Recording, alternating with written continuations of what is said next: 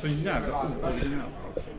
Mm, nu sitter vi här eh, på en annan restaurang än där vi brukar sitta och vi sitter och tittar på ett fotografi som eh, Ja, nej men eh, på 90-talet tyckte man det här var coolt. En man i bar överkropp och en kvinna som äter en banan och eh, en eh, svart man i en plyf som äter vindruvor från en annan eh, från en kvinna som håller ner dem på ett bord och så är det massa andra människor och kepsar och det här är så vulgärt så att eh, Bingo Rimér han framstår i vissa stunder som pryd. Ja, ni som vet vilken restaurang det är, ni eh, kan höra av er till någon annan podcast och berätta det. Du, jag sitter här på eh, då, restaurangen med... Vad Ska jag säga mitt namn nu? Ja, men du ska säga ditt namn, det är väl lite trevligt så här. Ja, fast jag är inte på något trevligt humör idag. Jag vill säga... Okej, du får hålla här så ska jag äta lite. Det jag tycker är mest... Micken som du gjorde. Ja. Det...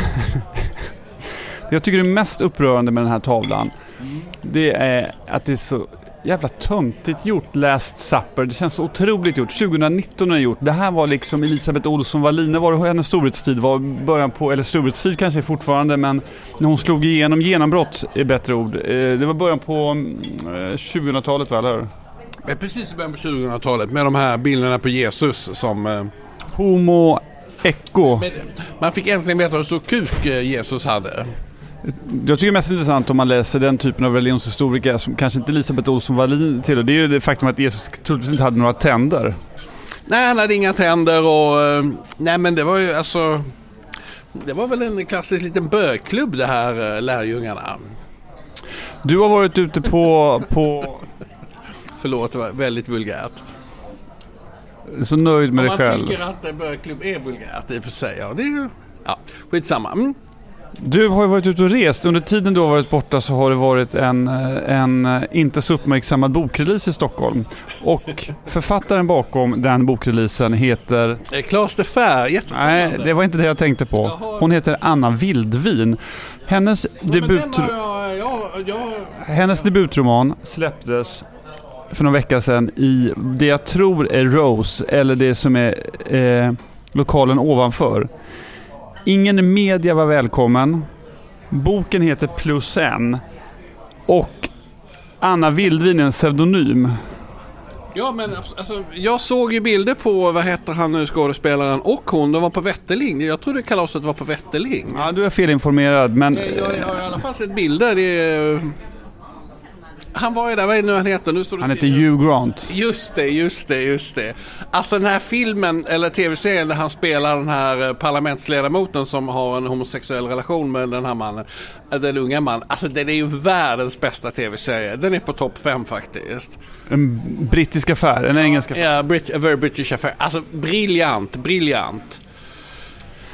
Men du, eh, har du något att berätta om det här tillfället? Ja, men det som är intressant är, tycker jag att det var ingen media närvarande. Hugh Grant lär ha hållit ett, ett tal till sin hustru. Den här boken måste ju vara, inser man då själv, eh, biografisk på något sätt. Författarnamnet, eh, bakom författarnamnet står Marie Eberstein och Anna Grant. Och Anna Grant är då född Eberstein. Hennes mamma är Susanne Eberstein. Som är en framstående, är kanske man ska säga, för det vet inte jag, socialdemokratisk riksdagsledamot från Norrköping. Det är ju en rätt rolig mix. Som sagt, de hade i alla fall den här releasen och ingen media var välkommen. Hugh har ett rätt kort, om jag förstår det helt uppgift, så relativt torrt tal också. Och sen släpptes den här boken. det är förvånansvärt. Rapporter från Tobrukov gör gällande, det här paret sommarbor, att de skyr offentligheten och skyr då eh, gemenskapen där nere. Det är lite märkligt i mina ögon att man släpper en bok på, på Linda Company som heter Plus en. Ja, men som jag uppfattar det som så sitter de ofta där på Swanson på, på Torekov och hans eh, hus, eh, det ligger väldigt nära det här hotellet eh, eh, Torekov. Man kan se in, det alltså, utan att förhäva mig så det, det är ju liksom inget snyggt hus han bor i. Det är liksom inget ståtligt ställe, det ligger ju inte heller i smeten utan det ligger ju i någon slags nybyggt, det är inte så jättehäftigt faktiskt. Det går inte att jämföra med din, eh, din, ditt radhus i Sköndal helt enkelt. Jo, det är just det det gör. Alltså för att vårt radhus är också lite så nybyggt, nyproducerat. Det är inte alls... Det är ju inget pittoreskt. Alltså Torekov, bara för ni som inte känner till det, det är ju ett pittoreskt... Sluta mansplaina Torekov för våra lyssnare. För de som inte känner till det. Usch.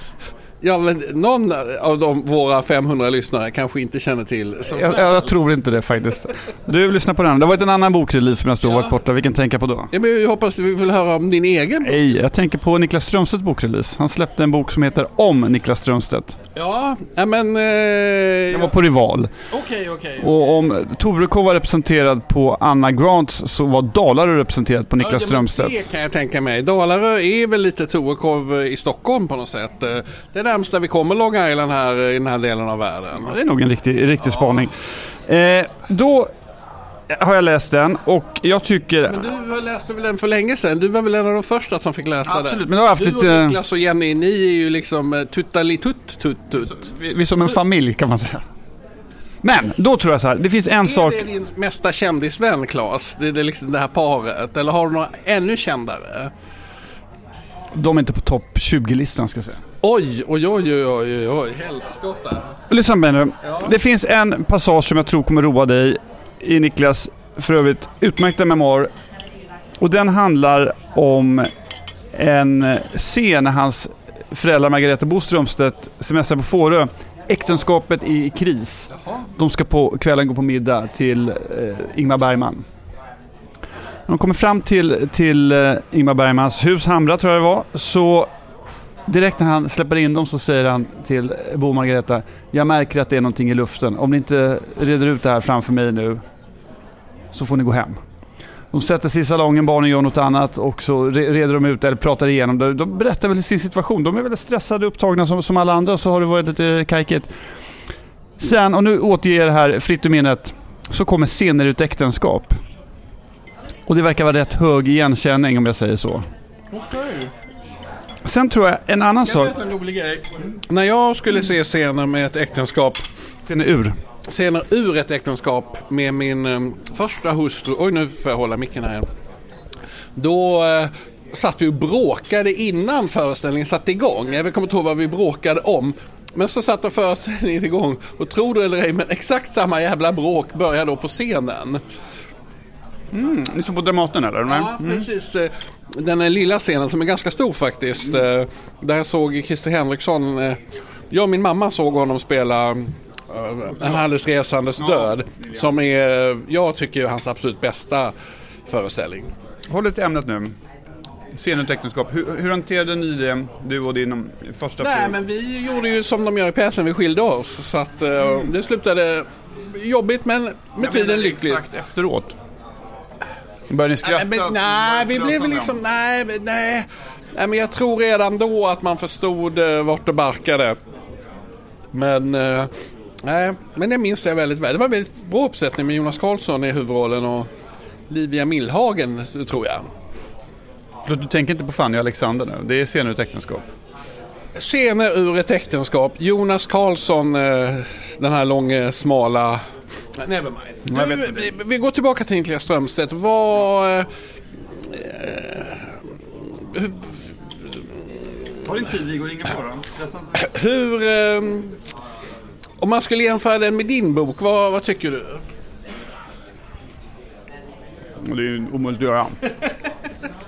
Kan, kan du inte säga något om din bok nu? Har du läst min bok? Ja, men jag har läst halva. Varför har du inte läst hela för? Ja men därför att eh, det kom någon annan bok och den är ju liksom lite, vad ska jag säga? Tråkig. Nej, den är...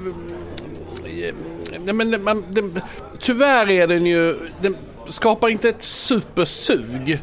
Eh, först blir du ledsen när jag säger det. Lättad. Vadå lättad? Att du är ärlig. Jaha, det var... Nej, men... Mm. Ja, jag, den är ju intressant eh, i förhållande till den stora litteraturdebatt som pågår just nu. Eh, nämligen, eh, får man skriva självbiografiskt eller inte? Och hur självbiografisk ska man vara? Och det intressanta med din bok är att den handlar om dig men den är ändå inte självbiografisk. Nej, det är en bra sammanfattning. Ja, och det... Det är ju väldigt... eh, Det gör ju att den just idag då inte är liksom i tidens eh, melodi så att säga.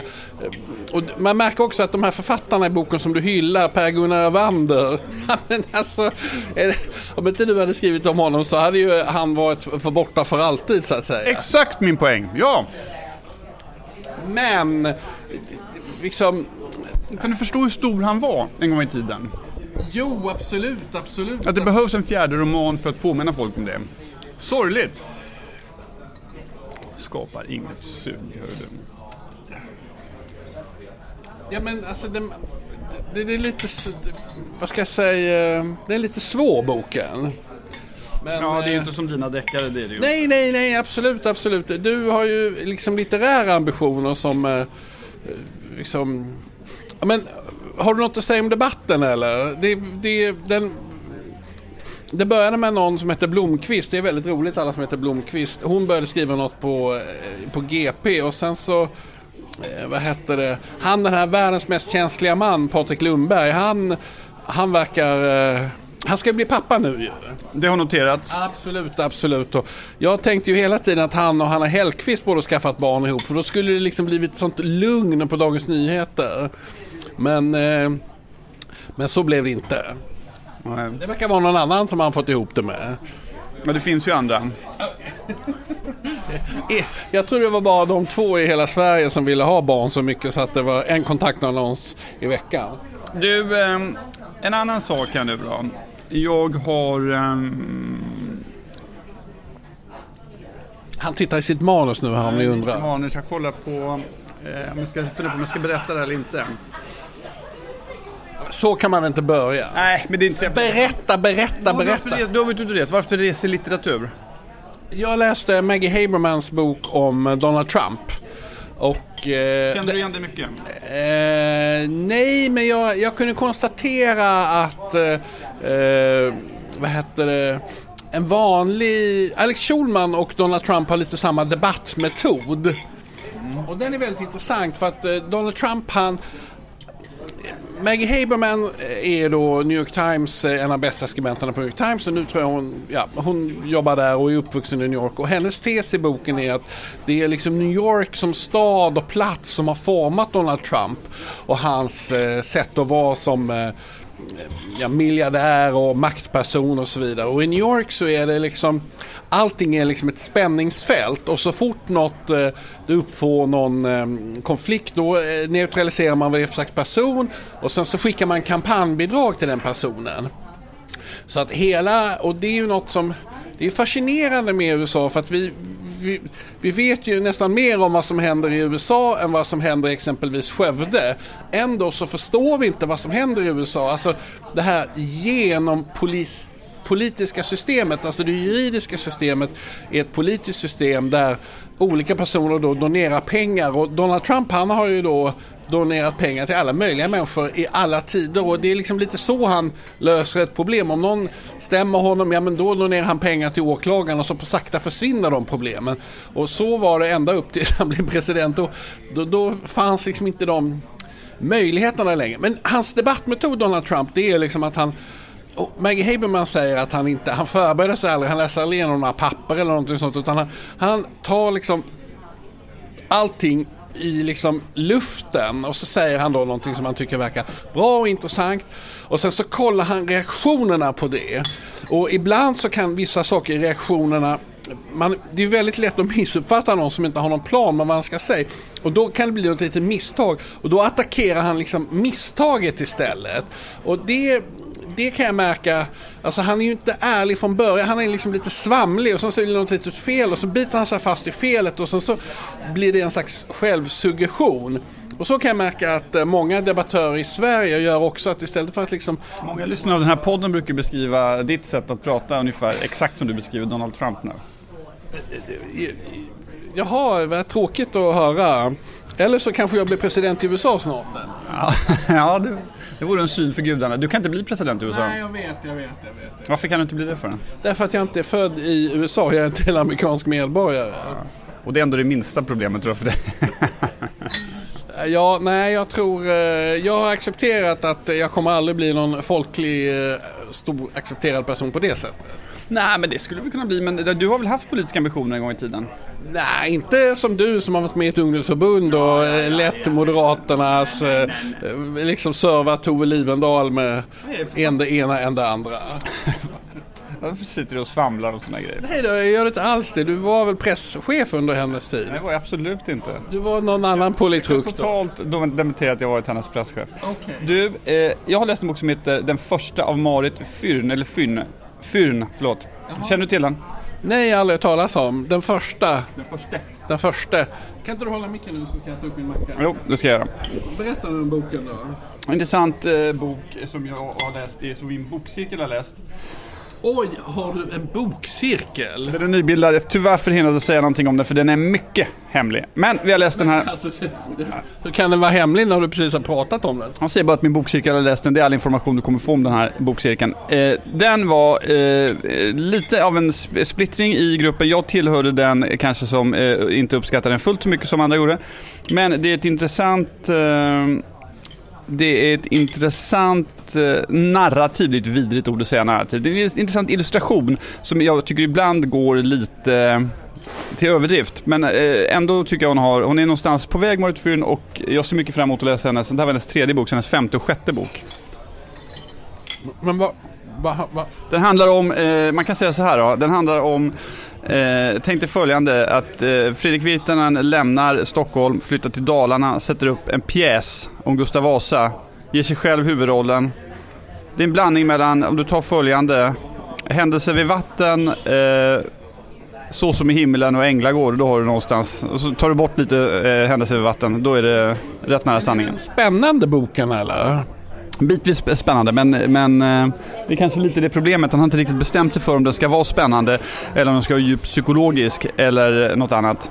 Men den, den har som sagt var sina poänger och eh, jag tycker egentligen att man kan, eh, man kan inte rekommendera alla böcker, men den här tycker jag absolut man kan läsa. Du, eh, ja, Den är inte lika rolig som Haralds mamma. okej, okej, okej. Du, jag tänkte vi skulle prata lite om eh, kungen nu. En annan roll jag vet du har aspirerat på att få tidigare i din ungdom. Nej men jag har sett den här Karin Klintbergs eh, dokumentär och jag måste säga att jag tycker den är otroligt bra. Alltså eh, hon... Du har sett de första två delarna. Förlåt, jag har sett de första två delarna och jag tycker att den är väldigt, väldigt... Eh, nej men den är liksom... Till att börja med så tycker jag att hon... Eh, jag vet att det finns de som anser att eh, man ska liksom inte gräva i det här personliga och man ska liksom inte ifrågasätta. Men det är ju det som är så konstigt med monarkin att dels är det ju någon som ska bära historien på sina axlar och från fem, fyra, fem års ålder så var ju kungen en officiell person som deltog i alla möjliga invigningar tillsammans med sin farfar. Och i dokumentären får, får han ju då fråga hur var det, var du nära din farfar? Nej, säger han då.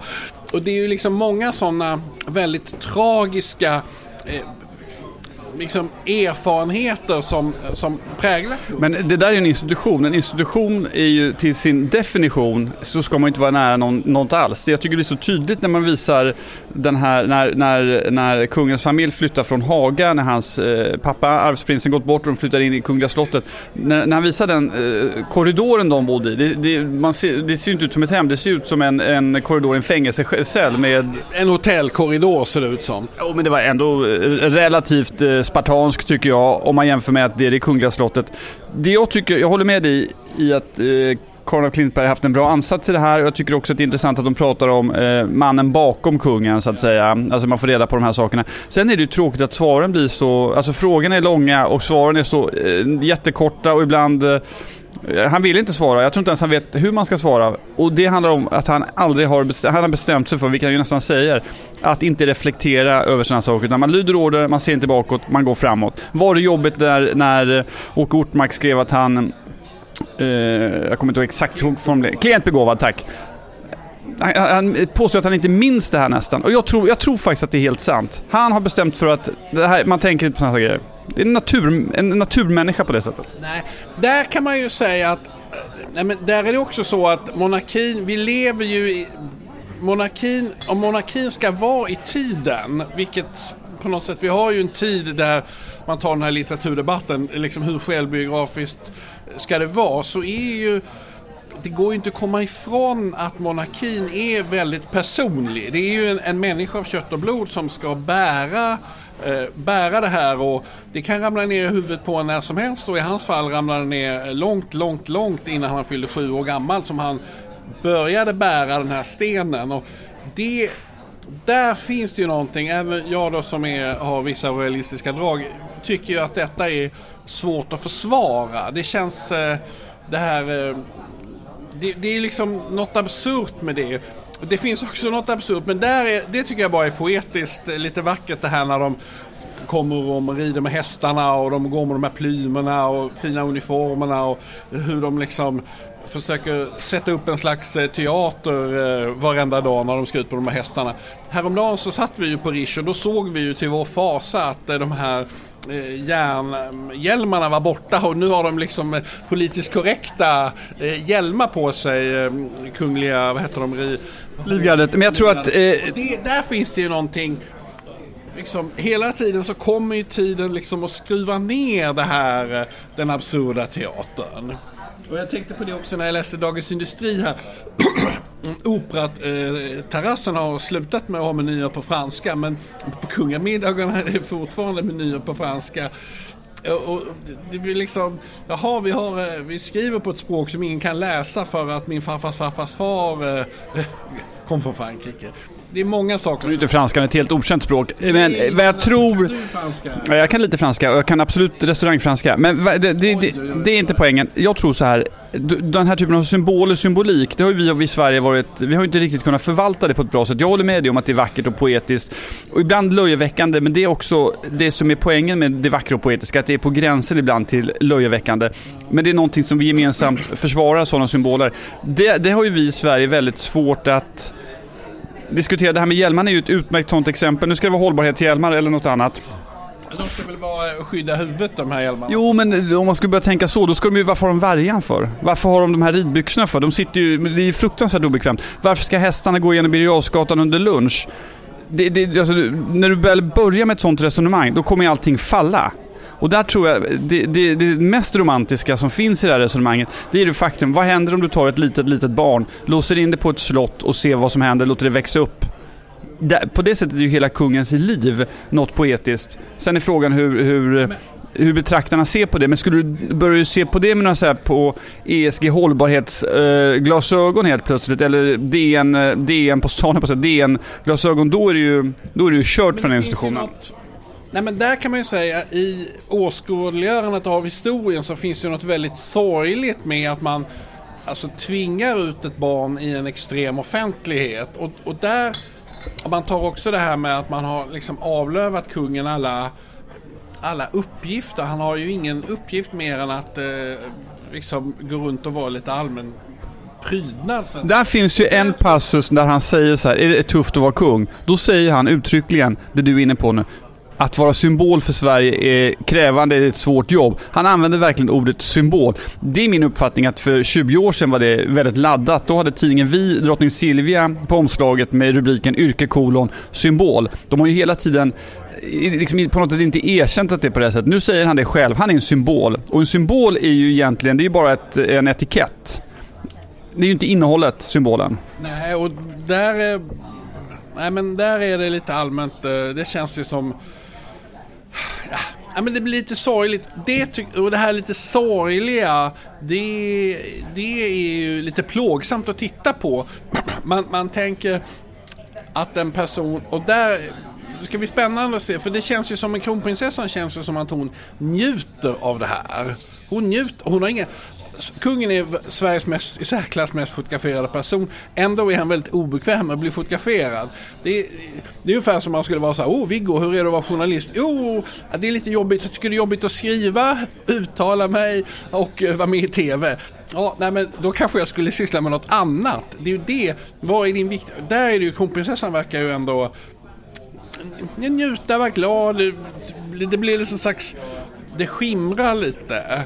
Och så ska hon då vänta ytterligare 25 år på att få lov att börja med detta. Det är också lite... Hon kan mycket väl få vänta, ja 25 år ja, utan problem. Alltså det, det, tycker jag också... När man jämför kröningen av eh, nuvarande då kung Charles, dåvarande prins Charles, så blir det ju också tramsigt om man ser kröningen av vår kung. Han kom in snygg, vältrimmad, i perfekt ålder. Visst, man såg att han var nervös, han var tyngd av allvaret. Men vad eh, prins slash kung Charles var tyngd av under sin kröning, det var ju ålder. Alltså, att överhuvudtaget kunna sitta så länge. Där finns det också något som, eh, som eh, vår kung verkligen kommer gå till historien för att han har gjort. Han har suttit längst, han var ung när han tillträdde, det var en extremt eh, sorglig bakgrund. Och sen beskriver han ju det som jag tror de flesta människor känner väldigt mycket av nu för tiden, sin ensamhet. Det har han ju sagt flera gånger, det verkar vara ett ord som man däremot inte har problem att uttala, ensamhet. Nej. Där tror jag till exempel att eh, vår kronprinsessa, varför hon så varför tar hon det här med sån, eh, till synes då lätthet? För hon har haft en trygg, invaggande, bra barndom finns ju det med föräldraskapet. Kungen måste ju bestämt för, jag ska inte bli som min pappa eller min farfar eller min mamma. Jag ska bli som jag skulle önska att det vore. Och det har väl format en nu eh, självständig, glad eh, person. Har du sett dokumentären om prins Daniel? Vadå, nej, intervjun där med... Som... Med Carina Bergfeldt, intervju bättre Nej, jag noterade att... Eh, nej, jag tror eh, det är nog inte helt lätt för honom där att gå två steg bakom sin, eh, sin hustru. Eh, man kan nog bli lite... Men ett äktenskap är ju en, ett maratonlopp och nu är ju de liksom, nu är han... Han har ju kommit en bit men det är väldigt långt kvar. Han såg inte riktigt såg lite sliten ut tyckte jag. Alltså, jag ska inte säga att jag är världens mest fräscha men Ja, men man blir lite orolig när man vet att han bara har en njure och ja, men det, det är någonting med honom som är lite bräckligt på något sätt. Ehm, men eh, vad tyckte du? Såg du den eller? Jag trodde inte du hade sett den. Jo, men jag har ju sett lite klipp sådär eh, när han uttalar sig om eh, hur jobbigt det är med skilsmässoryktena. Det kunde man inte låta bli att titta på. Jag har sett hela och jag tror att eh, det kan man väl säga en del om den där produktionen i, i allmänhet och eh, Kenneth Bergfeldts sätt att eh, fråga honom i synnerhet. Men om man fokuserar på hans svar så eh, är det ju en person som, eh, han är ju verkligen i tiden, kanske lite väl mycket i tiden för en monarki. Han är, det ser man tycker på hans klädsel, hur han förhåller sig till frågor. Det finns ingen fråga som han säger så här, det där passar vi på eller det där vill jag inte eh, svara. Han berättar om Ockelbo, han berättar på, på klingande dialekt. Eh, jag som är från dansorten, bitvis kanske du också, nu är han och jag mer nära i åldern. Jag tycker jag kan känna igen mig rätt mycket i resonemang och, och, och så vidare. Han har ju tagit sig an den här eh, rollen som eh, ett förhållningssätt som man kan förstå han har gjort. Ett modernt förhållningssätt, ett kanske lite väl mycket PR-aktigt förhållningssätt men han är otroligt skicklig på det han gör. Kanske också igen lite för skicklig när hon ska eh, kalla honom för prinsen i den inledande scenen. Då säger hon så här någonting, God morgon prins, eller står det till. Han säger så här, hur är det? Alltså, den kontrasten kan jag tycka blir lite eh, stor. Man får kanske spela spelet åt bägge håll. Eh, eller får man lägga bort titlarna direkt, vilket på ett sätt eh, kanske vore sundare, men igen, då skulle det, om vi använder det här ordet poetiska eller underdåniga försvinna totalt. Jag tror... Nej, men när man tittar på det här alla de här intervjuerna, både kungen, han har ju gett en massa intervjuer. Alltså så, det är ju Liksom, det finns ju inga exklusivt med intervjua kungen i den här vändan för det är många som har fått göra det. Men, men jag tänker att där är det ju så, det, man går ju tillbaka till ursprunget, alltså, det där som Queen Elizabeth, eh, never explain, never complain. Det, eh, det var ju en, en väldigt bra strategi. Här blir det ju på något sätt varenda gång ställer man upp på intervju, då förväntar man sig att, att någon ska svara. Och, och, på något sätt när svaren i 99 fall av 100 är så ointressanta eller så blir det det här liksom fjäsket som också är lite plågsamt att ta del av olika skribenter som på något sätt niger och bockar och bara ställer inställsamma frågor. Det blir ju också lite plågsamt. Men det finns en grej som jag tror man måste adressera här, som jag tror han tänker på hela tiden. Om den händelsen inte hade skett tror jag det hade varit en helt annan typ av intervju. Han vet att förr eller senare kommer frågorna om Thomas eh, Sjöbergs bok Den motvilliga monarken komma och efterdyningarna av det.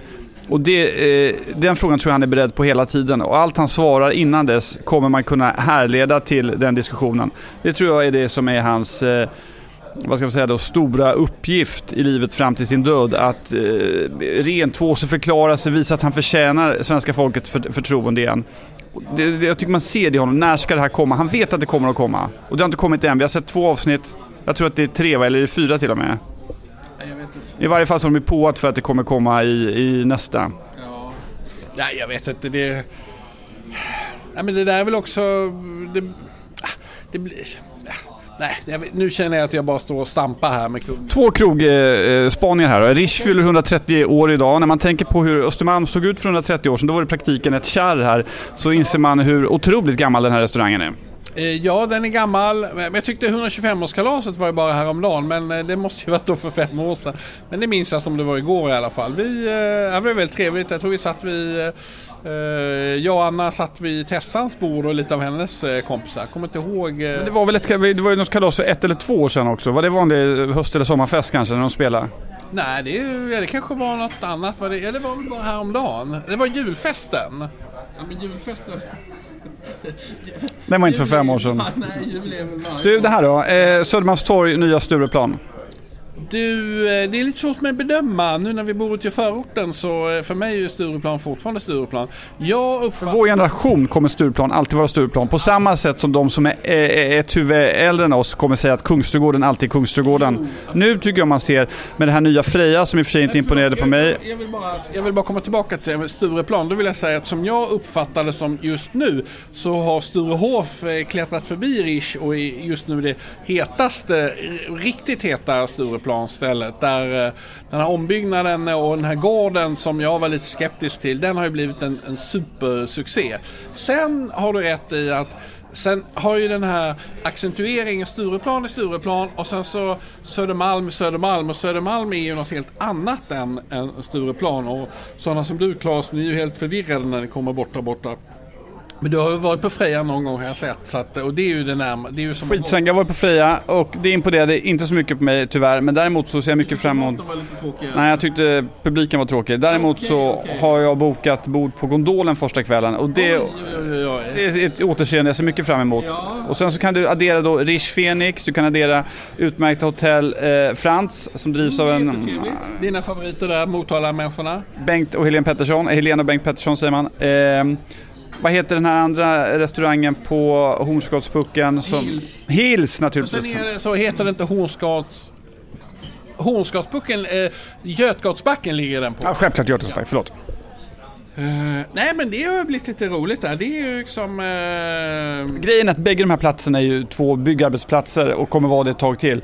Men den här... Jävla Stockholm kommer att vara en byggarbetsplats till vi dör. Ja men det tror inte jag för nu tror jag det är färdigt. Nu kommer man slutföra alla projekt. Jag tror inte det kommer påbörjas många alls för nu finns det inga pengar i de här systemen längre. Jo jag tror det ska liksom, det ska grävas någon tunnel och tunnelbanan ska byggas. Alltså jag tror uh, en byggarbetsplats, en stad är liksom under ständig förändring. Och, eh... Jo, jo, men det, det, får ju vara... Nu, det här pratar vi om väldigt kraftig förändring. Ja, men... Man bygger ju inte ett nytt Slussen, när ser du nästa sånt projekt? Nej, men du vet Västerbron ska snart plockas ner och bygga upp igen. Alltså det är massa grejer som händer. Det är inte slut än, Claes. Men jag tror inte att det är slut med att Västerbron... Du, du tror liksom, nu ska staden äntligen bli ett museum där du kan gå runt och promenera. Jag ska åka tillbaka till Asien igen och stanna där ett tag till. Du tog med Corona hem, hur känns det? Nej, jag tog inte med mig hem Corona. Jag tror faktiskt att jag fick det här när jag kommit hem. Jag var hemma några dagar. Men det var väldigt eh, tråkigt att få Corona för att jag skulle ha inflyttningskalas. Varför uttalar du Corona för? Okej, okay, Covid. Covid säger en del, Covid säger andra. Eh. Väldigt få säger Corona. Säger jag ska åka till New York. Nej, jag vet inte varför jag säger det. Jag har i alla fall, hade det och det var väldigt tråkigt och jag var tvungen att ställa in en, stor fest och eh, jag var tvungen att eh, inte närvara när vi hade ett jättestort arrangemang i Göteborg. Eh, men, var det någon som dök upp eh, på det, er, ingen, Annas, ingen, Annas och din inflyttningsfest? Det var ju en sms-kedja innan, när CSV tar vi drink innan, bla bla bla. Ja, ja, nej, men det, dels var det det och sen var det några som hade sitt eget korvkalas. Eh, Johan Lejonskalle, Jonas Lejonskalle Uh, Jonas Lejonhuvud. jo. Lion, Lionhead. Som Joe Lionhead. Joe Lionhead. Han och eh, lite olika gjorde ett eget eh, korvkalas. Och han eh, åkte runt i hans båt också såg jag på Instagram. Så det var väldigt trevligt.